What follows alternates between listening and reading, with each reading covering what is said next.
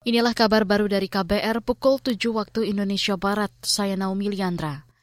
Saudara, Heri Wirawan pemerkosa 13 santriwati belum menanggapi putusan Mahkamah Agung MA menolak pemohonan kasasi Heri sehingga ia tetap difonis hukuman mati. Kuasa hukum Heri Ira Mambo mengaku belum menerima salinan putusan MA tersebut. Uh, kami sudah menanyakan secara resmi ke Kepaniteraan Pengadilan Negeri Bandung bahwa putusan Mahkamah Agung itu belum disampaikan ke Pengadilan Negeri Bandung. Mengenai berita yang beredar ya tentu kita tidak bisa menanggapi. Kalau kami ini menanggapi setelah putusannya kami terima.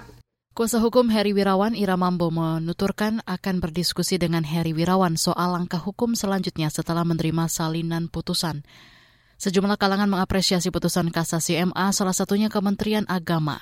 Dikutip dari antara Direktur di Kemenak, Abdul Ghafur berharap ketegasan itu memberi efek cerah.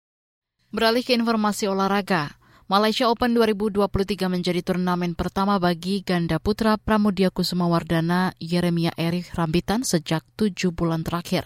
Pasangan ini vakum karena Yere cedera lutut saat berlaga di Indonesia Open Juni 2022 lalu. Pramudia sempat berpasangan dengan Rahmat Hidayat di beberapa turnamen. Dikutip dari CNN Indonesia, Pramudia enggan memasang target di Malaysia Open yang digelar 10 hingga 15 Januari mendatang. Sementara Yere mengaku antusias dan siap kembali bertanding. Selain Malaysia Open, mereka juga akan menjajal Indonesia Masters yang digelar di Jakarta akhir bulan ini. Demikian kabar baru, saya Naomi Liandra.